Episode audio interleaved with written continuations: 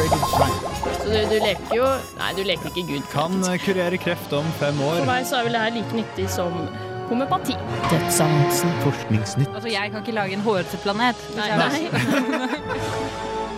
Uillustrert vitenskap.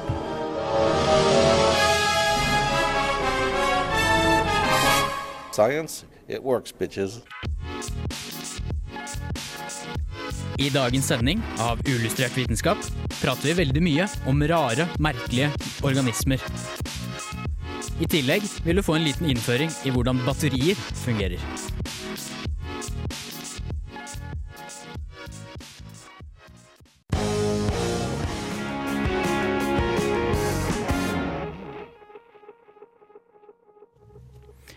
Ja, og velkommen til en ny sending av Uillustrert vitenskap.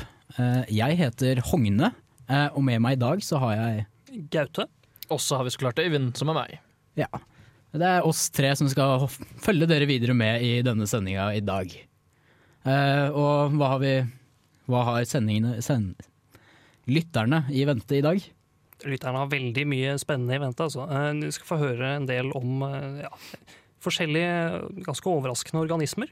Ja, og ikke minst om en eh, ganske Et veldig eget batteri. Ganske spesiell type. Ja. Eh, Men da tror jeg vi setter rett på låt. Her kommer Her Favorite Song av Mayor Hawthorne. Og etterpå så får du saken av Gaute om overraskende organismer.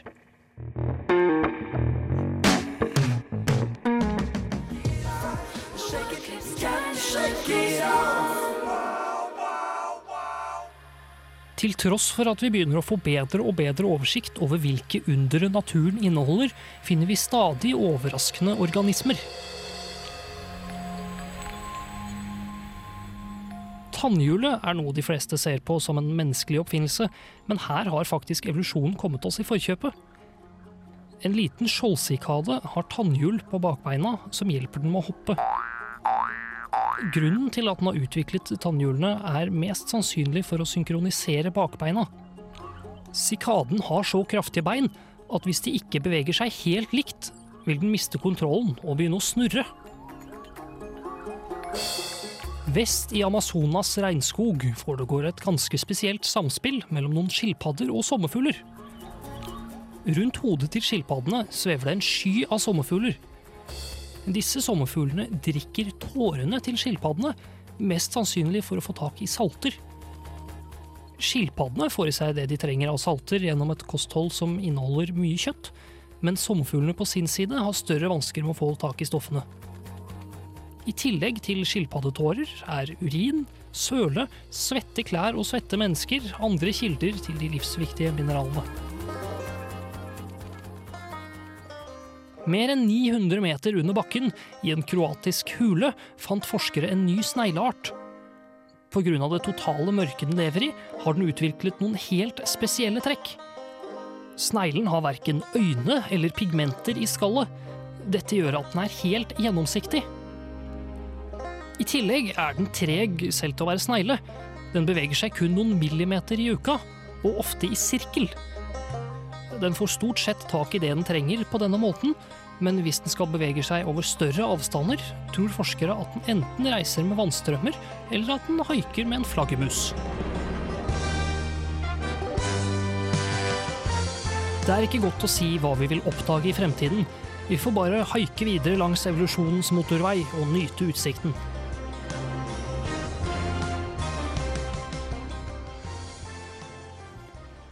Ja, der fikk du et, en del eh, fun facts og en del eh, fakta, generell fakta om eh, kule organismer som finnes her på jorda. Ja, det stemmer. Eh, og du prata om eh, noen eh, sommerfugler som var eh, ganske spesielle. Ja, eh, dette er sommerfugler som, eh, som har problemer med å få tak i, i salter der de, der de lever, eh, vest i Amazonas. Og de har da funnet ut at eh, skilpaddetårer er en ganske fin kilde til eh, disse saltene. Ja. Men eh, jeg drev og tenkte på, for du snakket om tannhjul på levende organismer. Det klarer jeg vel egentlig ikke å helt se for meg. Hvordan er det her mulig?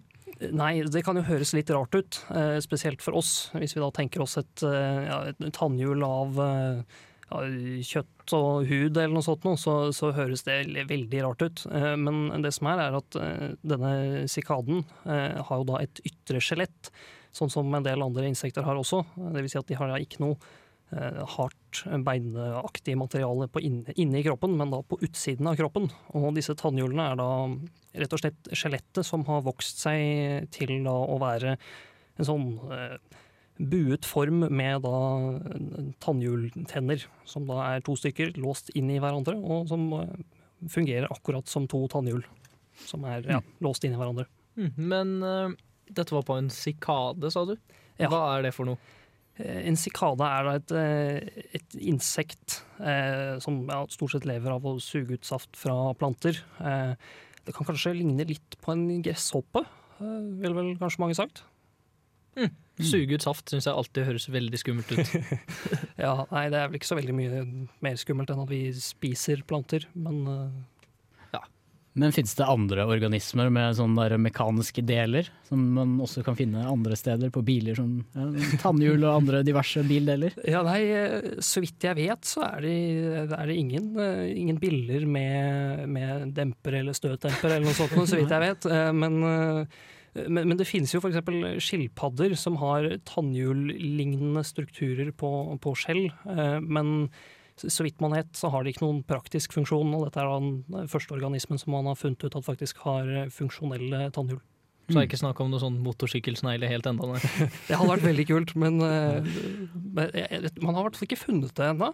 Men vi får se. Det kan alltids Du vet ikke om Kan ikke vite om det ikke finnes, for å si det sånn. Nei, det er helt sant. Nei. Jeg har alltid savnet en organisme med hjul, jeg. Sånn, ja.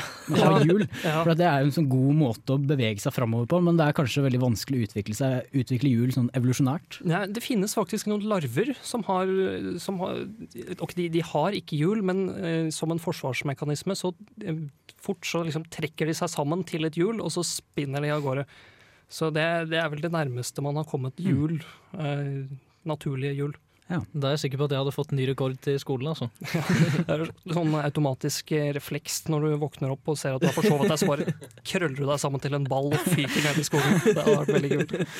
Ja. Eh, og så hadde du noen kule snegler også.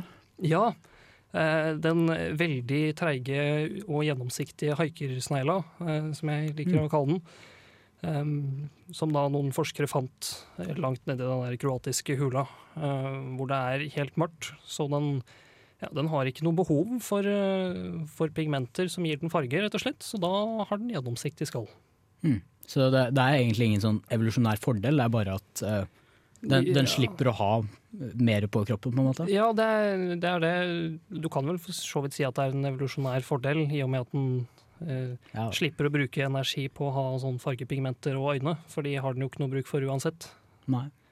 Eh, Men det er merkelig at ikke flere organismer er gjennomsiktige, da, hvis det er så enkelt å bare fjerne pigmentene, og så blir du gjennomsiktig. Ja, det tar jo lang tid. Eh, Og denne sneglen her levde jo tross alt 900 meter under bakken og beveger seg noen millimeter til en centimeter i løpet av en uke. Så sannsynligheten for at den har vært uh, ute av den hula, det er nok ganske liten. Så hvis du gir naturen eh, nok med tid på et begrenset eh, område, så er det ganske fantastisk hva den klarer å få til av seg selv. Altså. Eh, Men da tror jeg vi setter på en ny låt. Nå kommer Arabella av Arctic Monkeys.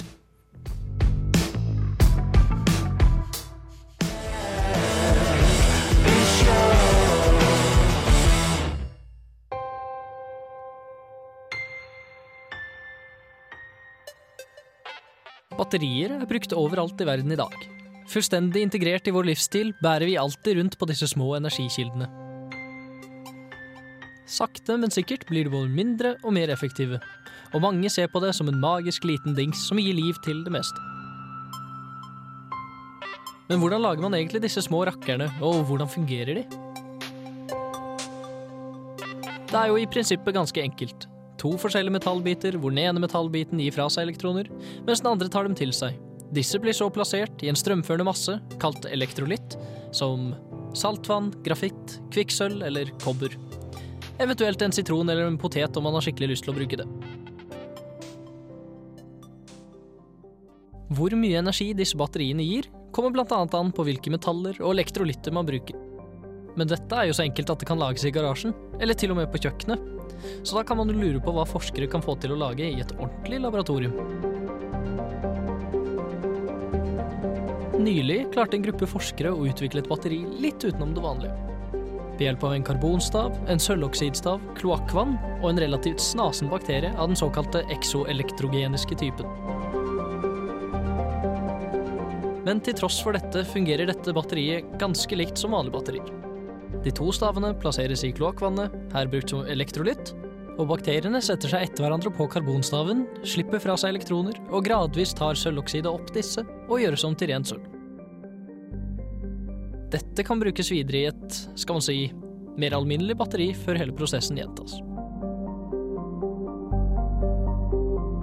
Men om du skulle være på jakt etter batterier og være så uheldig å ha verken sølvoksid eller kloakk tilgjengelig, så kan du alltids huske at man kan komme ganske langt med en sitron eller en potet.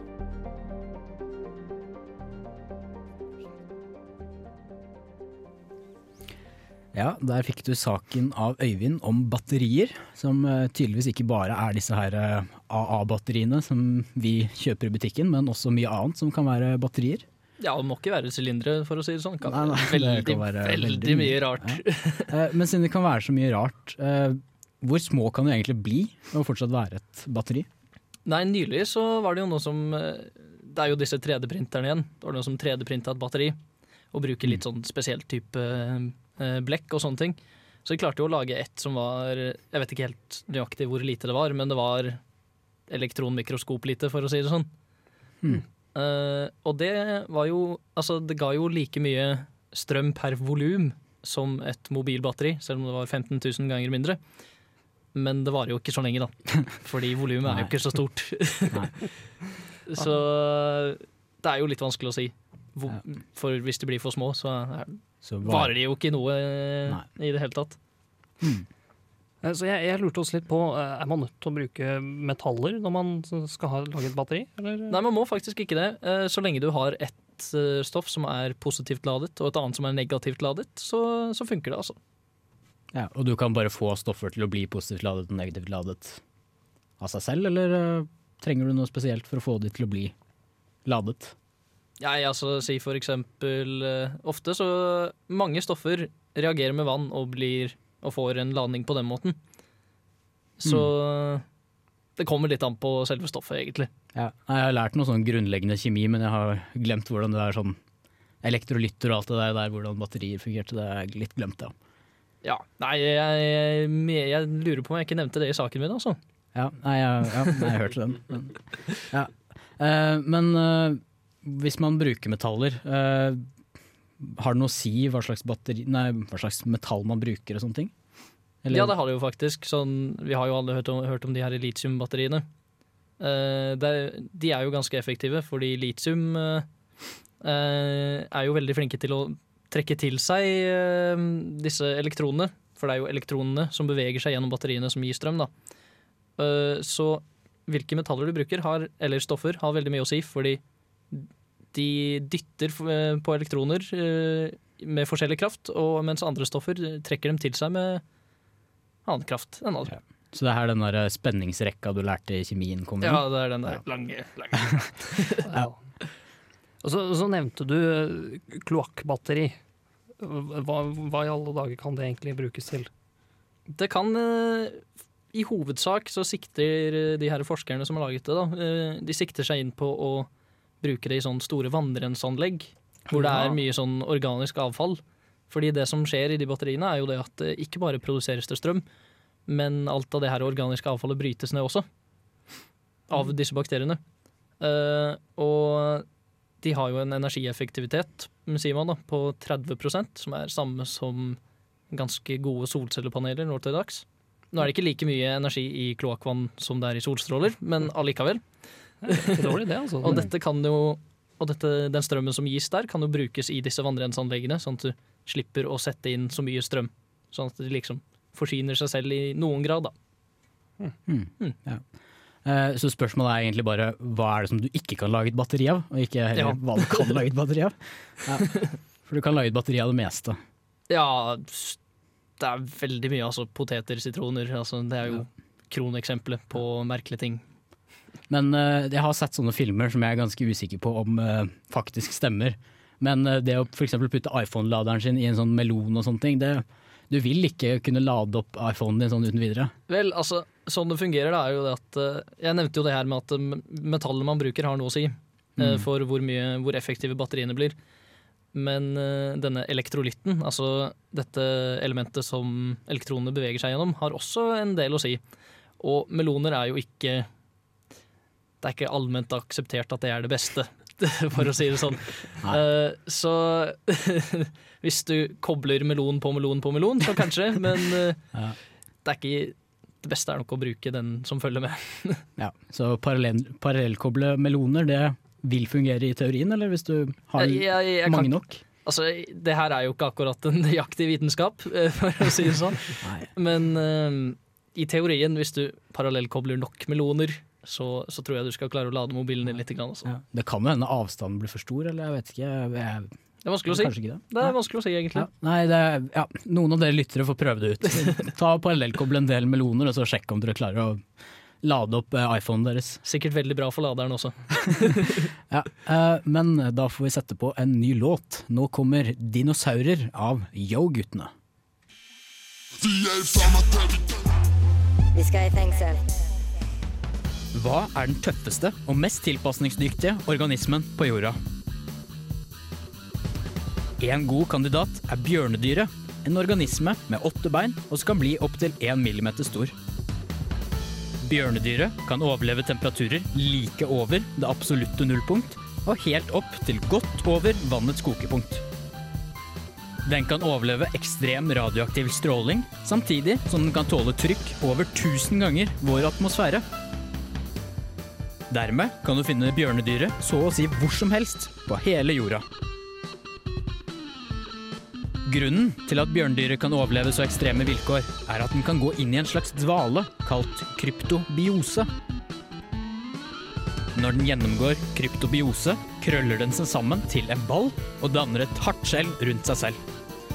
I denne tilstanden trenger den bare 1% av normalt vannforbruk, og dermed kan den forbli i denne tilstanden i opptil ti år i strekk, før den kan rulle seg ut igjen i en normal tilstand.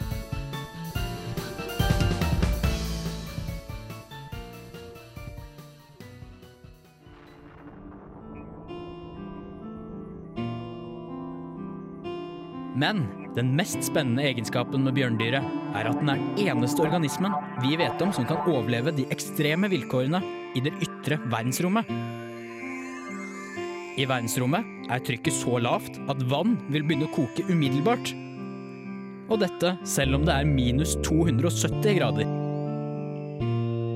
Likevel har bjørndyret overlevd alene i verdensrommet i mange dager uten problemer.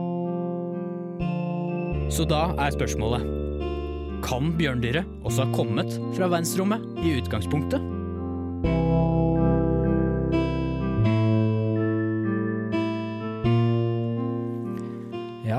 Fikk du min sak om eh, bjørnedyret.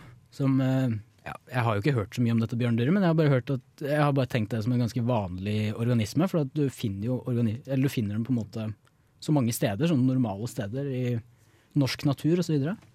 Ja, har du noen eksempler på, på hvor i norsk naturen du finner bjørnedyr? Ja, du, i, sånn, I norsk natur så finner den liksom i lav og mose og egentlig bare overalt. For den kan jo leve overalt. Eh, og den er et rovdyr, og jeg vet ikke om det er Det er sikkert noen dyr som spiser bjørnedyr, men eh, de lever eh, godt. Og så Samtidig så har du den her helt utrolige ekstreme tilpasningsdyktigheten.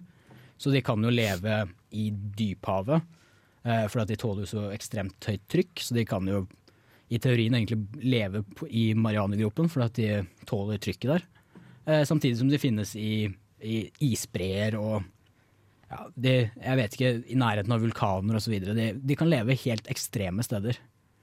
Eh, også da også i verdensrommet, da, i noen dager i hvert fall, som eh, ble nevnt. Vet du hvorfor de heter bjørnedyr, egentlig? Ehm, eh, nei, jeg tror jeg leste det, men det var noe om Nei. Ser de ut som det, eller er det De, de ligner litt på bjørner, ja. De, bortsett fra at de har åtte sånn lemmer, da, eller sånn bein. Det har jeg ikke sett så mange andre bjørner har. Men eh, de ligner litt på bjørner, men bare i, i miniformat. da. Ja, så skikkelig barske bjørner, bare veldig mye mindre. Ja, Sånn én millimeter store. Ja. Men uh, hvorfor er de egentlig så tilpasningsdyktige? De er jo Ja, du skulle ikke tro det. Nei, det, det tror jeg har med evolusjonen å gjøre. da. At de har på en måte, ja, Selvfølgelig alt med tilpasningsdyktighet har med evolusjonen å gjøre. da. Eh, men over tid så har de fjerna alle overflødige organer. Eh, så de har på en måte, de har ingen åndedrett lenger. Eh, de spiser ved bare å suge til seg på kroppen, så de har egentlig bare sånn to sånne kroppshull også, for å få ut maten. Eh, og så har det heller ikke noen sånne eh, ekskresjonsorganer som fikser dette her. Og så hadde de også eh, De hadde i utgangspunktet hadde de mannlige, mannlige bjørnedyrene to testikler. Men da er jo da den ene overflødig, for du trenger bare én av de. Så den fjerna det også. Eh, og så har den fjerna hele det sirkulasjonssystemet, da, eller dette her, hvor blod sendes rundt kroppen, så den har heller ikke det. Så den har egentlig bare fjerna alt som er overflødig, og står igjen med en sånn liten krabat som kan overleve stort sett alt. Det er jo- nesten ingenting igjen. Nei. Eh, og det eneste, og det, det som gjør den her kryptobiosen gjør at den eh, tåler enda mer, for da kryper den sammen, og da trenger den bare 1 av eh, kroppsvæsken sin eh, som normalt bruker, da. så da trenger den ekstremt lite vann også. Som gjør den veldig tilpasningsdyktig. Du nevnte jo at den det, det eh, Du spør om at den kanskje kunne ha kommet fra verdensrommet, eh, i og med at den kan overleve der. Eh, Har vi noen tegn som kan tyde på det? Store, den, den, den, mest kjente alien på jorda? Nei, på en eller annen måte så kan jo det Det er jo veldig mange teorier om at liv på jorda i utgangspunktet kan ha kommet fra verdensrommet. Men det, da tenker man mer på proteiner og slikt som kan etter hvert bli eh, organismer. Ja. Eh, men eh, med sånne der, eh, bjørnedyr så tenker man jo at de kan ha kommet mye seinere også. Men det er nok lite sannsynlig. Jeg så noen forskere prate om dette, her, og det kanskje kan skje. Men de, gjorde et forsøk, eh, de har gjort et forsøk, og det å si at de kan overleve eh, det ytre verdensrommet, er litt å ta i, egentlig. De kan overleve veldig lenge, eh, og det er jo helt ekstremt, fordi at eh, verdensrommet har jo helt ekstremt lavt trykk, som koker vann eh, på umiddelbart, selv om det er minus 270 grader. Eh, og da var det, det Dette forsøket de gjorde, det var jo at eh, da overlevde 68% av disse her eh, bjørnedyrene når de ble sendt ut i verdensrommet. Eh, og de sendte det tilbake igjen etter ti dager. Eh, og da ble de også beskyttet mot UV-strålingen fra sola, for det ville de liksom ikke ha med i kalkulasjonene. Men Ja. det er også veldig ekstremt, eh, disse her UV-strålingene. Og de, de tåler jo ekstremt mye radioaktiv eh, stråling, men eh, det kunne kanskje forandret på resultatet. Men ja. det er fortsatt veldig veldig ekstremt, for hvis vi ser på mennesker f.eks., så ville de blitt bevis bevisstløse i løpet av et par sekunder da, hvis vi hadde befunnet oss plutselig ut i verdensrommet. Så det er fortsatt veldig ekstreme. Mm. Men sannsynligvis ikke fra, fra verdensrommet. Det er jo litt kjedelig, da. Ja, det er, det er litt kjedelig, men det er fortsatt veldig veldig kule krabater. Det er sant. Veldig sant. Eh, men da tror jeg vi setter på noe mer musikk. Nå kommer Coffers av Some Minor Noise. I was raised kicking your head. Hi. Uh, compression and expansion of the longitudinal waves cause the erratic oscillation, you can see it there, of the neighboring particles. Uillustrert vitenskap. Ja, da har vi kommet eh, til eh, Forskningsnytt, som er en litt eh, fellespost i dag. Som, siden vi ikke hadde noen preprodusert sak om Forskningsnytt, så har vi tenkt å prate litt om saker hver. Eh, Og da kan jo du begynne, Gaute. Hva slags forskningsnyhet har du funnet? Jeg skal, eh, tenkte å ta opp en, eh, en sak som eh, en psykolog ved University of Essex i England har, har forsket på. Eh, Nemlig en, en ganske spesiell fobi. Det er nemlig en, en, en frykt for mange små hull. Eh, Som Hull, ja. Det er, det er Man skulle kanskje ikke tro at det er en, er en, en reell fobi. Um, Men det er visst veldig mange som, som ja, mener at de lider av det. Da, og man, gjennom dette, det de har forsket på, så har de klart å finne noen, noen fakta som kan underbygge det. Um, men nå skal det sies at han, psykologen eh, Geoff Cole også lider av denne fobien selv, så det er jo mulig at det kan ha påvirket resultatene hans eh, lite grann. Eh, Men eh, når du sier hull, hva slags hull er det du tenker på? Hull i bakken, hull i kroppen, hull eh, Det er, hvor?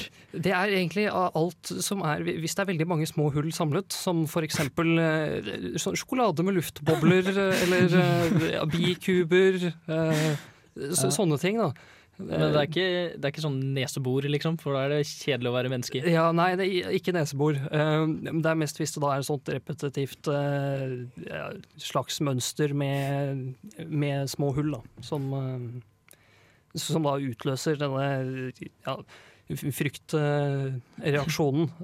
De som mener at de lider av det, eh, opplever blant annet eh, eh, enten at de er redd for at det er noe i hullene, eller at de skal plutselig falle ned i de hullene. eh, Eller, eller at de får en sånn følelse av at det er noe som kryper under huden, eller noe sånt noe. Um, men, men, men det Det er den følelsen jeg også føler når jeg spiser sånn Stratos sånn. Jeg føler sånn at bare når som helst skal falle inn i hullene. Så, så du sitter på lesesal, og så tar du opp en Stratos, og bare plutselig skriker kjempehøyt. Ja. Men eh, jeg må nesten legge til, faktisk. Jeg ser ikke på jeg, ser, jeg tenker ikke at jeg har den fobien, men jeg hørte om den en eller annen gang, og så søkte jeg på det på bilder på Google.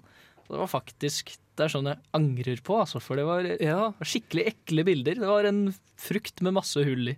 Ja, nei, fordi de har faktisk funnet ut det da, når de har forsket på dette her. Eh, Den heter da trypofobi. Eh, Jeg vet ikke om jeg nevnte det i stad, men de har i hvert fall funnet ut at bilder som fremkaller slike ja, fryktanfall hos de som mener de lider av trypofobi, de samme bildene oppleves ubehagelige av nesten alle som ser på de. Så, så det er faktisk godt mulig at det er noe det er noe i dette her, altså. Um, for det de har gjort, er at de har, de har analysert eh, visuelle egenskaper i bilder, sånn som kontraster, blant annet. Og, det de har funnet ut da, er at den har noe av den samme visuelle strukturen som striper. Og striper er jo noe man har funnet ut at kan utløse migreneanfall.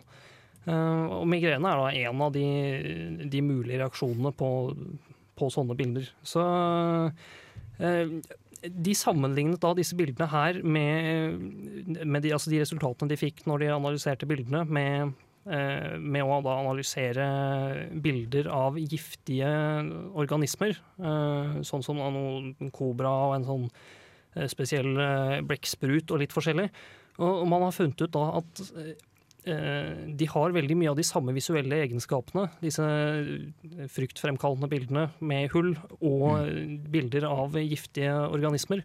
Så det de konkluderte med, var jo at det mest sannsynlig er en eh, ja, noe som evolusjonen har drevet fram, at det er rett og slett at vi er redde for ting som har den typen utseende, fordi at de visstnok kan være giftige. Mm. Det kan jo også da forklare hvorfor eh, hva helt vanlige mennesker kan oppleve å bli litt uvel av å se på de samme bildene. Ja, så det er ikke helt irrasjonelt. Det er, Eh, ikke, det er nok ikke helt irrasjonelt, i hvert fall ikke hvis det de har funnet ut stemmer. da. Men eh, ja, ja, det finnes jo alle mulige fobier, så det overrasker meg egentlig ikke at det finnes en fobi for dette her også. Nei, nei. Eh, Men Øyvind, du hadde også en eh, Ja, nyhetssak. jeg fant noe litt artig, skjønner du. Jeg fant en litt artig nyhet der. Og det var det at eh, det er noen forskere som har De har ikke funnet en bakterie, men de har funnet ut at den gjør noe man ikke trodde den gjorde. Eh, jeg husker Altså, jeg fant dessverre ikke navnet på den, faktisk. Det bare sto at det var én bakterie. Men når den smitter mus, så mister disse musene evnen til å være redd for katter. Hmm. Eh, og man tror at dette her er eh, evolusjonen, nok en gang. Den kjære evolusjonen, som har eh, Som har vært på fare, da. Fordi den kan, disse bakteriene kan bare formu, repro, ref, reprodusere Unnskyld. Reprodusere seksuelt inni kattemagen, faktisk. Så dette er liksom en måte å komme tilbake på, til katten på. Sånn at mus, den stakkars musen løper etter katten og blir spist. Mm. Uh, og det er jo faktisk eh, gjennom direkte kontakt med katteavføring at eh, man får den vanligvis får den bakterien her i seg. Ja. Så, ja. Så det, er- det er egentlig Ja, så det er, det er derfor mus er redd for katter? På grunn av dette her? Eller eh, Nei, altså grunnen til at eh, mus er redde for katter, er jo fordi de blir spist. Ja da. Men, eh, men når den hvorfor de har redsel for katter, da? eh, At det der Ja, du, du sier at når den fjernes, så har de ikke en redsel for katter lenger. Ja, ja, nei, altså, for det som er greia, er det at når bakterien kommer, så, Mm. så forsvinner redselen. Ok, ja, um, ja Eh, motsatt. og- ja, og derfor uh, det er der sånn bakterien kommer seg inn i kattemagen og formerer seg uh, seksuelt. Ja, Fordi det, det, er, det er det som er gunstig. Ja. Da.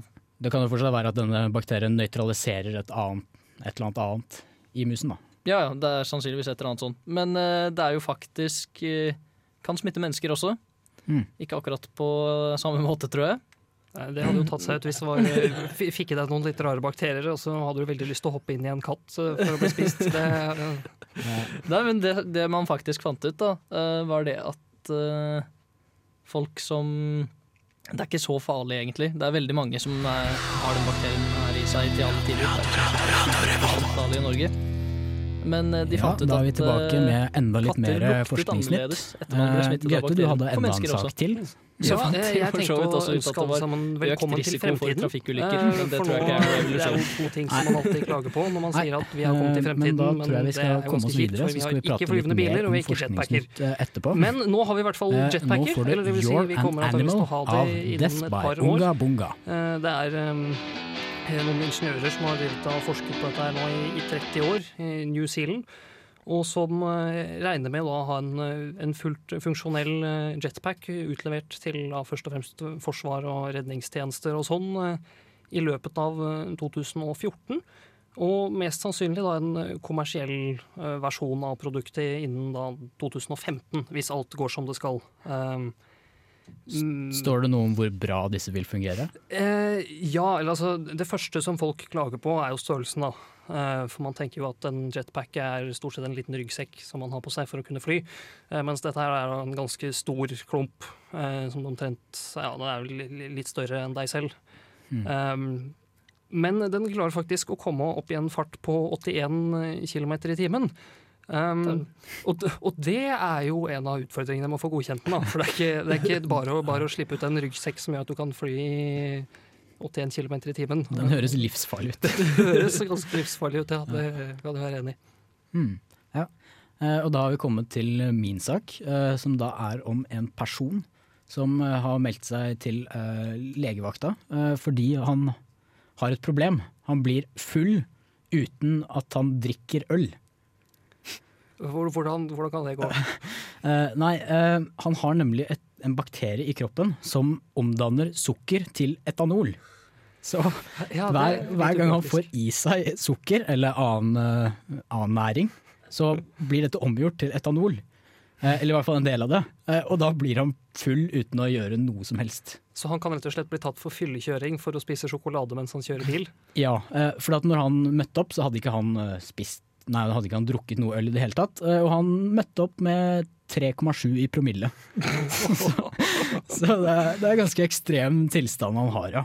Eh, og et ganske stort problem. Det, noen vil sikkert synes dette her høres veldig positivt ut, men eh, kan, du kan få for mye av alt. Og det å være full konstant, eller hver gang du spiser noe, det er, nok et lite problem. Kan være populært hos, populært hos noen, da. Ja, noen, spesielt studenter. Ja. Eh, men da setter vi på litt mer musikk. Nå kommer Gross Out av The Vines.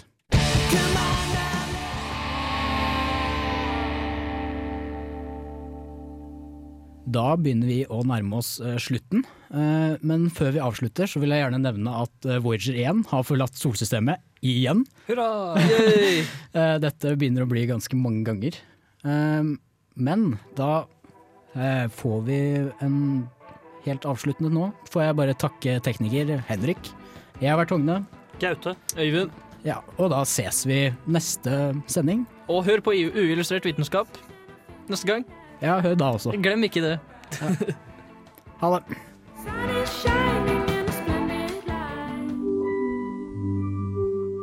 Uillustrert vitenskap er Midt-Norges eneste teknologimagasin på lokalradio. Og vi snakker om alt fra populærvitenskap til sære forskningsprosjekt ved NTNU. Radio Revolt, studentradioen i Trondheim, er stolt av å kunne presentere podkaster fra de aller mest populære programmene våre. Hvis du har lyst til å høre mer fra Radio Revolt, hvem vi er og hva slags musikk vi spiller, så kan du høre oss på FM-båndet i Trondheimsregionen, eller streame sendingene våre live på radiorevolt.no.